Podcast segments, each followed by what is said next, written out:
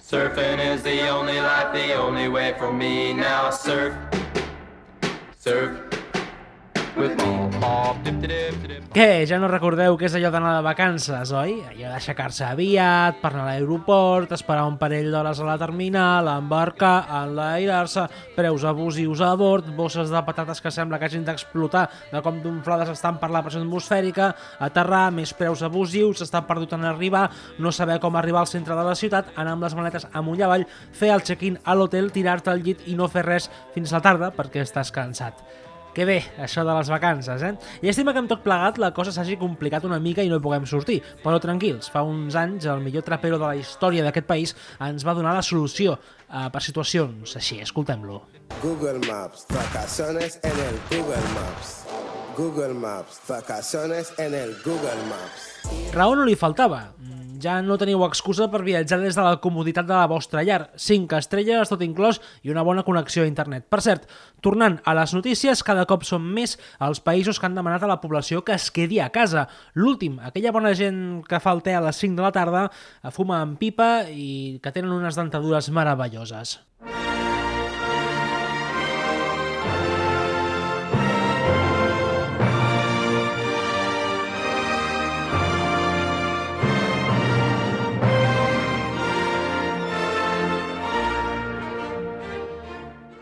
Boris Johnson, el primer ministre de Gran Bretanya, entra en raó i decreta el confinament. Tot i així assegura que tots els britànics podran sortir de casa per fer al loro una rutina d'esport diària.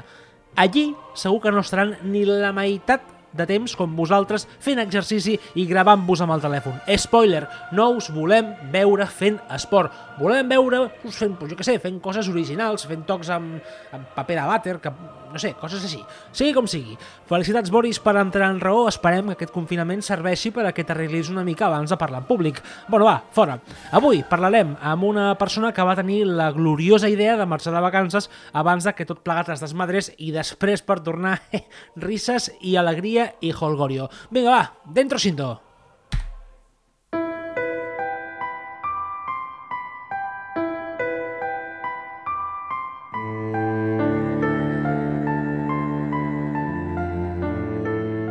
Són dies de confinament. Estem tancats a casa i no tenim clar com anirà tot plegat. El govern ens diu que ens quedem a casa, que és l'única forma d'acabar amb l'expansió d'aquest coronavirus. Sabeu quin és el mitjà que en casos de guerra i confinament sempre ha estat amb vosaltres? Correcte, la ràdio. Amiga en la solitud i companya en les tenebres, la ràdio sempre ha estat amb nosaltres en els moments més durs i tensos de la nostra vida. El 23F, els atemptats de l'11M, l'agost del 2017, el Penal, Catura Reina, el Lucam Múrcia, els Jocs Mediterranis Tarragona 2018, sempre la ràdio ha estat present. Des del meu humil estudi, a Pirata, situat a la meva habitació, us volem portar un format d'entrevistes una mica diferent on parlarem amb diverses persones de la ciutat que no han de ser necessàriament famoses, però amb les qui passarem una estona intentant fer-vos més portable tot plegat. Benvinguts al Diari de Confinament.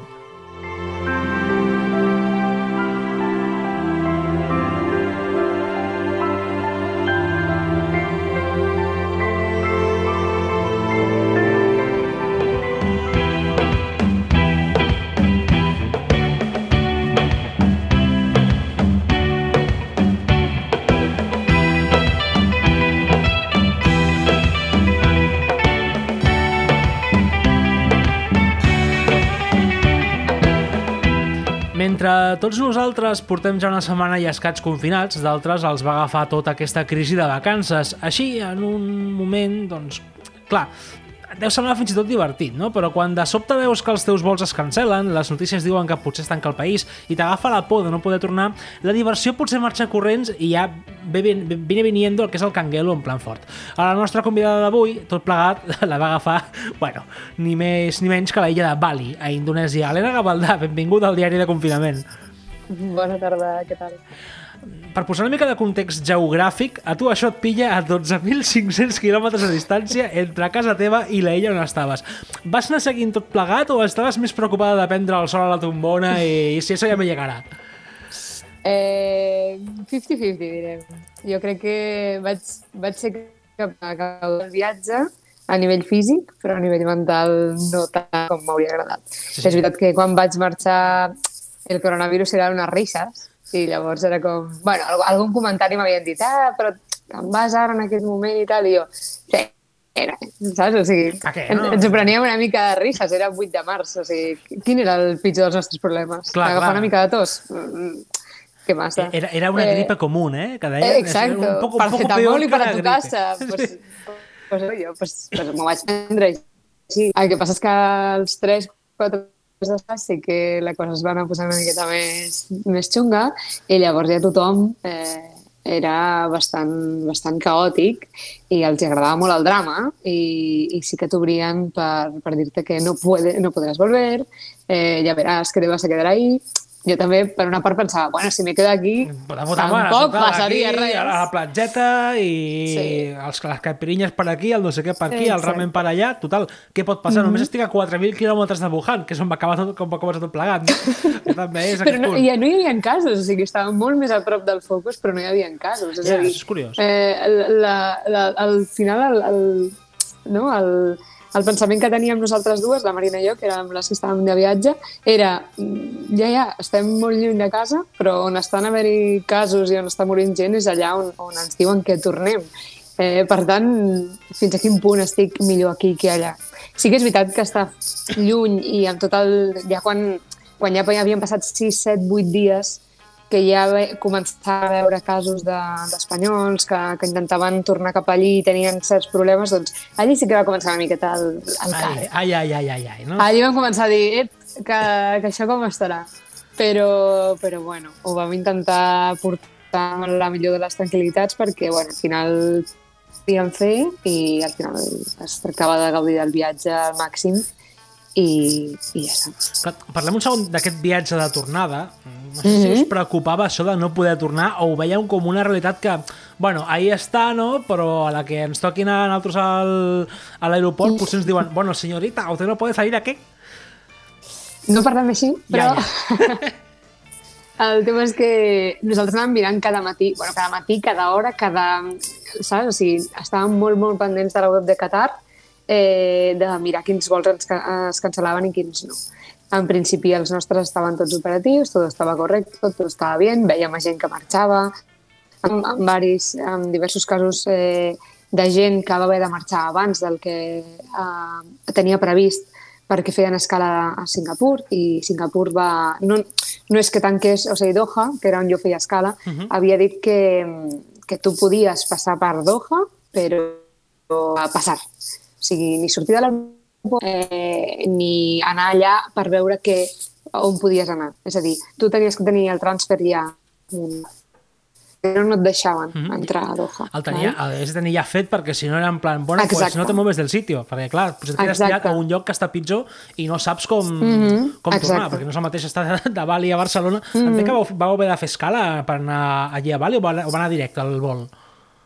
Sí, sí, van fer escala a Doha. Eh, Mhm, és clar. un vol de, de 10 hores i després un de 7. Per tant, o sigui, eren bastantes hores. El viatge era realment de potser 24 hores, fins i tot. Vull dir, Sí, que... sí, sí, sí, entre escales i arribar a l'aeroport i tot això... Eh, bueno, quan vam tornar vam calcular que havíem sortit de, de l'hotel fins que havíem arribat a casa unes 38 hores. Per Dios! tant, va ser, va ser un... Bueno, també perquè, te, te diré, eh, de tot el viatge, de tot el que, que havia de ser complicat del viatge, dels avions i d'això, el més complicat, de, el més complicat de tot mm, del viatge va ser plana. És a dir, ens va deixar llançats. O sigui, Joder. és increïble que Qatar i tots els aeroports i tot el que se suposava que era lo difícil ens va sortir rodat, Mhm. excepte, bueno, que cancel·lar un vol, canviar els també, no? també- Sí, però bueno, a la que vam agafar ja el vol de veritat, tot va anar rodat. Excepte plana. Es va deixar tirat una hora El- el a l'aeroport públic. i vam, i vam haver d'anar en metro i després en tren i, bueno, Sí, el, històries. el, el transport públic, com sempre, funcionant perfectament, eh? Ah, exacte, A, a casa sí. nostra, vull dir, aquí, Eh, en cas de guerra... marca Espanya, qualsevol- sempre. Sí, a. Arribeu a Catalunya i no sé si us van demanar alguna cosa especial, algun test, alguna prova, o senzillament us van dir que anéssiu a casa i ja féssiu quarantena allí tan tranquil·lament. Que va, tio, no? si no ens van dir res. Va ser, vam tenir molts més controls i moltes més eh, eh, processos de, de, pues com de, de control eh, a Bali, per sortir de Bali, que ja veus tu, per sortir, que com que te vas a tu casa. I, I sí, ens miraven la temperatura constantment, però constantment allà on anaves t'opinaven la, la temperatura, et feien signar un paper conforme no havies estat a Itàlia, eh, en els últims, en l'últim mes, eh, et preguntaven, doncs, si... Bueno, era un paper una mica estúpid, no? ¿Tienes fiebre? No. ¿Tienes tos? No. Però bueno, almenys hi havia una mica de control i una mica d'informació, cosa que a l'arribar a l'aeroport de Barcelona va, és que estava desert, desert. Eh, No hi havia ningú, no hi havia... amb, amb prou feines hi havia gent treballant i, i és que ens van deixar allà i ningú ens va dir absolutament res. i, i, i, i ahí te lo comes tu, no? O sigui, tu, I ahí te la comes. Tu que ets una amant de les sèries, Helena, clar, és una mica The Walking Dead, no? Perquè arribes a un punt, Sí. arribes a un aeroport que no hi ha absolutament ningú al Prat, que el dia que no estava mm, és que alguna cosa Mhm. ha passat. Sí. L'impacte és clar, tu surts de Tarragona en com una ciutat relativament normal, te'n vas de Sí. vacances, desconnectes, i quan tornes a Tarragona, després de que plana et deixi tirada, o us deixi tirades, Mhm. eh, us trobeu que entre cometes, no hi ha ningú i que és com una Tarragona postapocalíptica. Com, Sí. com ho, ho, rebs? Perquè, clar, s'adjunta Tarragona postapocalíptica i entenc que també depressió postvacacional. és com Sí. tot junt. S'ha juntat tot una mica, la veritat. Però, mira, del que més em va impactar és arribar a l'estació de, de Tarragona de trens, sortir i, i veure com aquella sensació de, de que no hi hagués una ànima. I, i ja, ja sé que soc molt passada amb el tema, eh? però eh, van passar tres o quatre homes eh, d'edat eh, comprendida entre 30 i 40 eh, i vaig tenir por. I era ple dia, o sigui, eren, no sé, eren Sí, les, sí. les la tarda. I vaig tenir por perquè realment em van mirar amb una cara que vaig pensar, hòstia puta, eh, sembla, sembla que siguin les 5 del matí i estic sola i, i, i no hi ha ningú i si em passa alguna cosa... Què Eh, tindrà, no? Eh, Sí, exacte, no, aquí no passa res. L'altre dia- I vaig tenir una sensació de que, de que com que aquesta gent que està pel carrer, que potser és una sensació, eh? Sí, sí. Estava com en, en el control absolut de, del que et podia passar. És, I- és una tonteria com una casa, el, el que diré ara, eh? però jo l'altre dia, clar, jo acabo de treballar, vaig començar, vaig anar a la ràdio perquè havia de fer els butlletins no? de, de la xarxa de comunicació local, Mhm. TM, uh, i recordo sortir a les 10 de la nit, anant cap a casa, que no hi havia ningú, no passava ni un cotxe, i, clar, Mhm. 10 de la nit. Estava plovent, a més a més.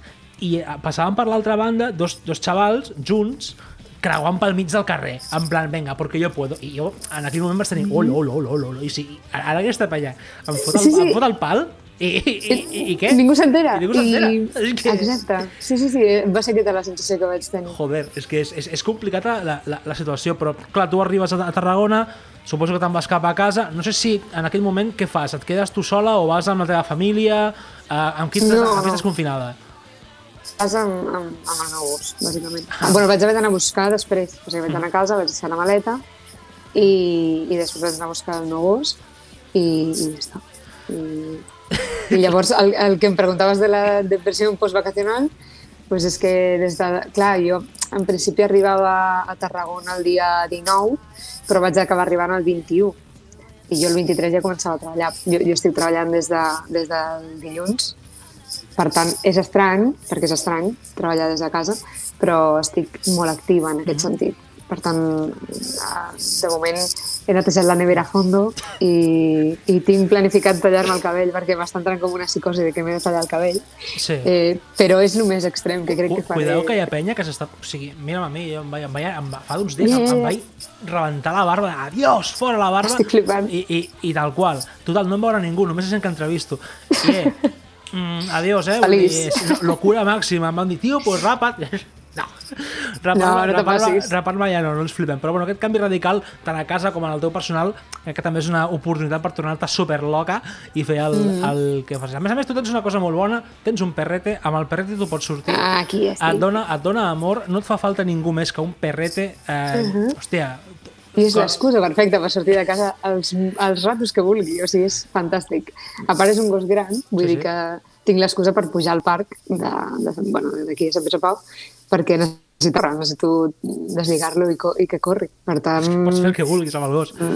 estoy como muy libre. És, és la moda Sant Peter, el teu perro. Eh? Vinga! Sí, sí, sí, tal qual. Ahir vaig haver d'anar a comprar paper de vàter, perquè clar, jo quan vaig marxar, el paper de vàter no era un, un objecte De de luxe. luxe. Llavors, eh, comptava que en tenia, no sé, uns quants, però no, no sabia quan. I llavors, eh, quan vaig arribar, jo vaig estar pensant, he de comprar paper de vàter, i, i em vaig sentir com molt estúpida i molt loca anant a comprar paper de vàter. Era com que no em volia... Vaig dir que em compro poc perquè no se pensin que vull fer revenda o alguna així. Llavors, bueno, vaig, ahir vaig anar a comprar per fi i, i he carregat la nevera i, i ja està. O sigui, és que al final m'ho estic prenent amb certa... Bueno... Filosofia, un- no? I... Sí, és, és una situació estranya i segurament quan porti una setmana potser me pregunta si estic fins a la... els collons, però de moment eh, estic, bueno, estic relaxada i aprofitant el temps lliure i sortint a passejar i fent rentadores i totes aquestes coses que mai tens temps per fer. Què, què t'anava a dir? Parlant de temps, a temps a casa tancada a casa pot ser un problema perquè tens un, el teu màxim enemic o la teva màxima enemiga és la nevera. No sé si Ai. en, ens hem de preocupar per la nostra línia, perquè a mi em fa una mica de por que acabi Uf. sortint de casa, o sigui, jo visc en un vuitè, rodolant per les escales fins a la planta baixa perquè és possible, eh? En pl- en plan Charlie la fàbrica de xocolata, aquella xiqueta que és tot, tot gorda de color blau, doncs el mateix per l'escala. Jo és que venia molt bé de Bali. Jo és que venia molt bé, perquè clar, allà era estiu, menjàvem lleugeret i, i deia, uah, estic superbé, però porto tres dies aquí i els viatges a la nevera són incontables ja. És, és que és una merda, això és, és el pitjor que porto, però mira, jo què sé, ja quan passi tot, ja recuperaré... Diu un bon amic meu que un tros de xocolata et dona l'energia suficient com per tornar a la nevera a agafar uns tros de xocolata, no? I això va fent doncs, la bola 1 i 2 i 3 i 4. El ciclo sin fin. Oh, ara, que, ara que ha sortit Disney Plus, per cert, a City Ciclo Sin Sí. Fin, cuidado, eh, que també en, en podem parlar. Escolta'm, abans de que... Mm, bueno, què coi? Estàs preparada per un trivial post-apocalíptic? Uf, eh, venga, esto no me lo has avisado, pero va, va, dale.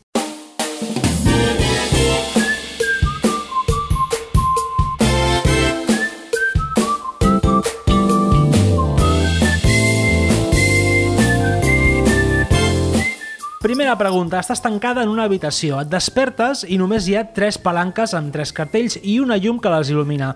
Una veu et diu que tu has estat escollida per decidir el futur de la, de la humanitat.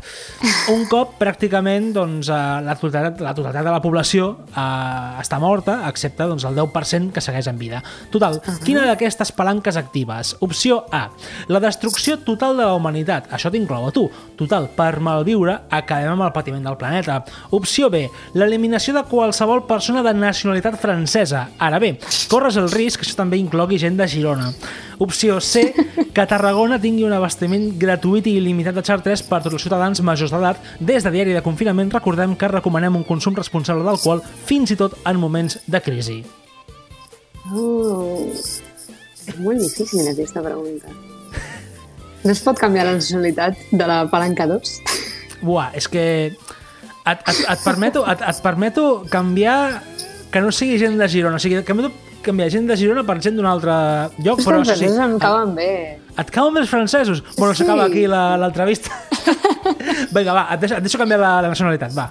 Eh, posem nacionalitat boxiana i llavors apreto la 2. Ah, boxiana, o sigui... vale. Boxiana. Boxiana, mm -hmm. d'acord. O sigui, gent que viu al país de Vox, no? Ah, exacte. I que vota a Vox i que comulga con Vox. Doncs, Aquesta. doncs vinga, va, uh, és la C, que Tarragona tingui un abastiment gratuït i limitat de xartres, però bueno, et compto bé la, la, la B, va, no, no hi ha cap mena de problema. Això... Després us queixareu de que Ballesteros en su día hacía promoción del alcohol y ay, ay. Segona pregunta. Quin d'aquests veïns o fills il·lustres de Sant Pere i Sant Pau creus que lideraria una societat tarragonina dividida i plena de por per un possible cataclisme postapocalíptic? A. Frank Carvi, actual jugador del Nàstic. B. Alejandro Fernández, president del PP català. O C. Gerard Lobo, que seguirà sent cap de colla dels castells de Sant Pere i Sant Pau fins i tot després de l'extinció total de la humanitat. Gerard Lobo no sé qui és. A lo millor és David Lobo. Ui, ui, ui, ui, ui. Per, perdó, David, No passa res, no David passa porto, porto molt de temps confinat a casa.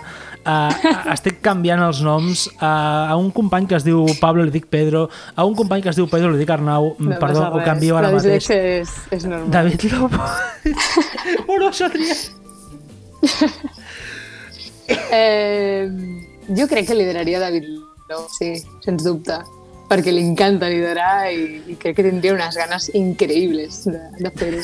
Doncs vinga, e- e- era la C David Lobo. Crec que he fusionat David Lobo i Gerard I Pasqual. Gerard Pasqual, Clar, segurament, els- els- sí. Els- per la radiació s'han fusionat i, i aquí estem. Doncs vinga, va, correcte, era la C, David Lobo, no Gerard Lobo.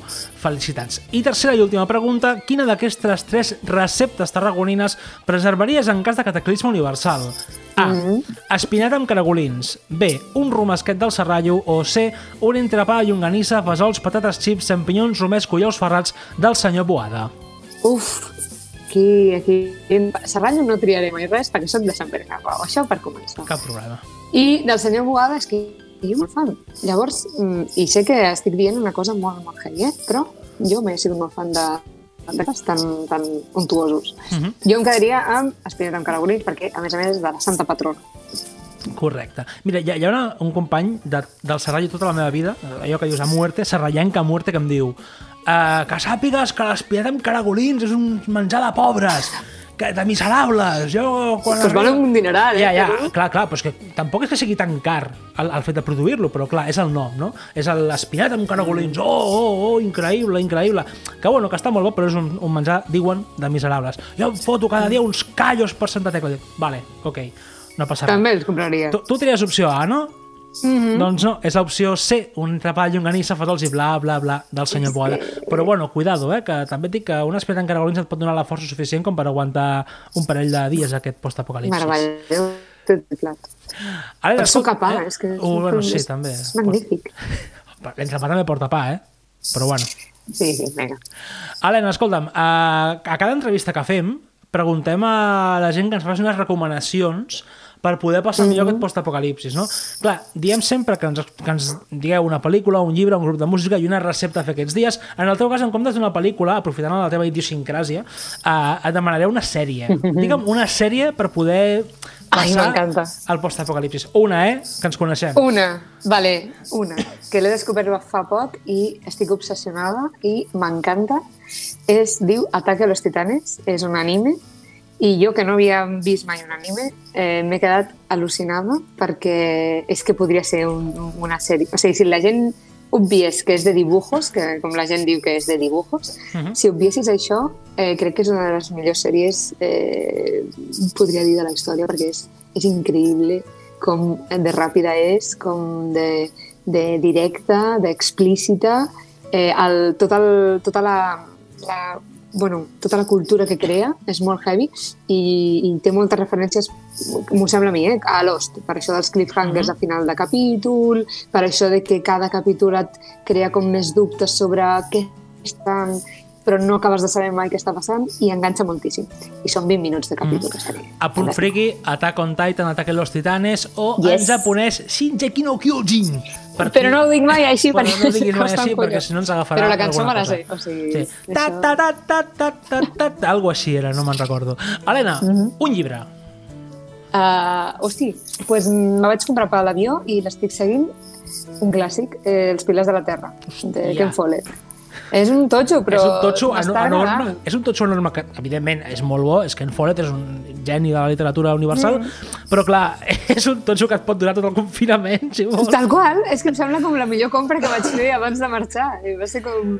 Bueno, l'avió no crec que em doni temps, però després l'acabaré. Sí, sí, segur que l'acabo. Tinc molt de temps per acabar-lo. Hi ha molta mort, hi ha molta... Hi ha, hi ha de tot. És, és interessant, no? És un totxo que diguis... Mhm. Helena, un grup, de, un grup de música o una cançó, perquè sempre que fem aquestes entrevistes demanem un grup de música o una cançó per tancar allò que dius Mm. musicalment, no? l'entrevista, o per aguantar el postapocalipsis. Uh, pues ara últimament estic escoltant moltíssim a Ferran Palau, que a més a més el, va venir a Tarragona el dia abans de que marxés de vacances i he estat escoltant-lo tot, el, tot el viatge i, i m'agrada moltíssim eh, Ferran Palau, tot el disc. Doncs mentre escoltem Ferran Palau et demanaré una recepta per fer aquests dies. Perquè aquí hi ha gent que... Mira, l'altre dia entrevistàvem a Carles Cortés, que és una persona que no sap cuinar, el pobre meu, i em va dir que ell vivia a la seva vida a través de menjar, doncs, què diré jo, Nutella, galetes doble xoc, una altra persona, No. el cantant d'Extracto de Lúpulo, l'Isma Colombo, ens deia sí, sí, jo vaig fer un, un arròs al, al pollastre, no sé què... Mm, L'altre dia la, la Laura Rovira, periodista i membre d'un podcast que es diu Mafalda, ens va dir no, no, jo no cuino, jo em foto birra. Tu com sobrevius o quina recepta ens recomanaries per fer aquests dies per poder portar millor aquest tema? I és que el, el meu plat preferit és la sopa i, per tant, eh, ja he fet un caldo eh, enorme, de litres i litres, i llavors tinc allí un, un bon, una bona reserva de per És molt fàcil de fer un, una, un caldo. Si és que és la cosa més fàcil del món, perquè és ficar tot el que has de comprar, ho fiques dins de la olla, amb aigua i ja està. O sigui, la gent que no sap fer caldo és perquè no s'hi ha Perdó, és que t'imagino ahí dient, bueno, pues agafo Frankfurt, agafo tot el que tinc ahí, caldo de pizza i vinga, pa, No, ja. no, no, no. O sigui, has d'agafar el que porta un caldo, però és que no, no, o sigui, no has de ser un gran xef per saber... Si saps els ingredients i els fiques dins d'una olla amb aigua, tot. Doncs amb aquesta recepta de caldo, que bàsicament és agafar coses i ficar-los a bullir, bàsicament, ens acomiadem d'aquesta entrevista. Helena Gavaldà, gràcies per estar amb nosaltres al diari de confinament. Ben tornada i esperem que, bueno, Merci. que, bueno, que, que sobrevisquem tots una mica al postapocalipsis, encara que tu portis menys temps i per tant tinguis menys càrrega psicològica a sobre. Vull dir que ja, ja veurem Mira, com... ara, si vols recuperar aquella idea de fer un programa de sèries, ara tinc temps. Vull dir que si vols, eh, fem alguna cosa. Hi ha molta penya que està fent podcasts uh, Ja lo sé. online. O sigui, és si increïble. me- Ara amb el confinament la gent diu, vinga, va, som-hi.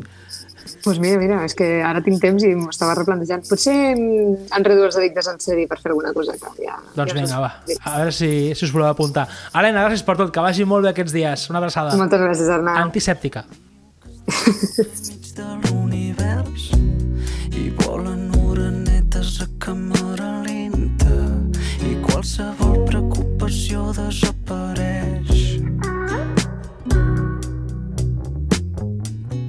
Per cert, dediquem aquest programa a totes aquelles persones, potser algun tarragoní també, que no poden tornar a casa perquè estan barats a altres països que bueno, segurament no ho deuen estar passant gens bé, ni de conya.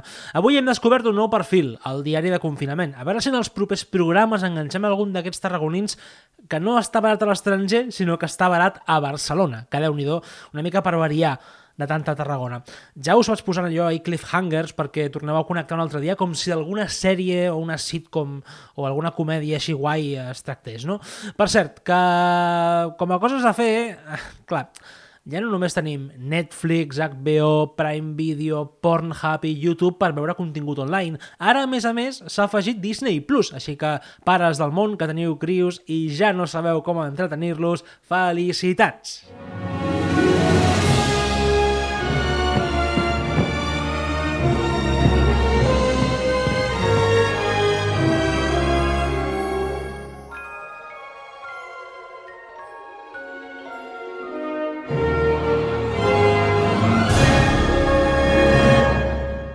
Ja els podeu posar Star Wars perquè aprenguin una miqueta de cultura que falta fa al jovent d'avui en dia.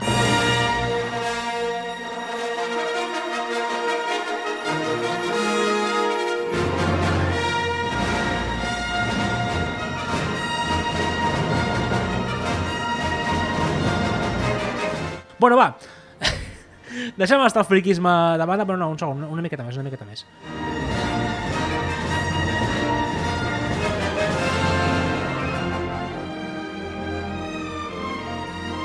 Vale. El friquisme, com dèiem, eh, el deixem una mica de banda. També tindrà un espai al diari de confinament, us ho asseguro. A veure si puc enganxar un col·lega per poder parlar de confinament i també una miqueta de, de Star Wars.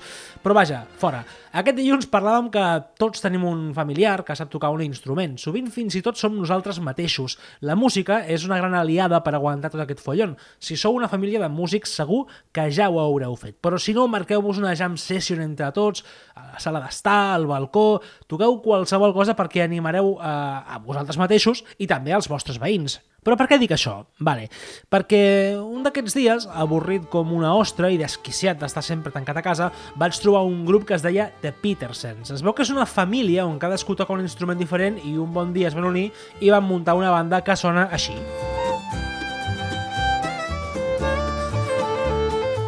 Brutal. M'acomiado des del meu búnquer secret amb aquesta fantàstica versió de Jolene de The Petersens, Tot i que si en voleu trobar una altra de potentíssima, us recomano, ara potser flipeu, la de Miley Cyrus. No és conya, enamora, aquella veu.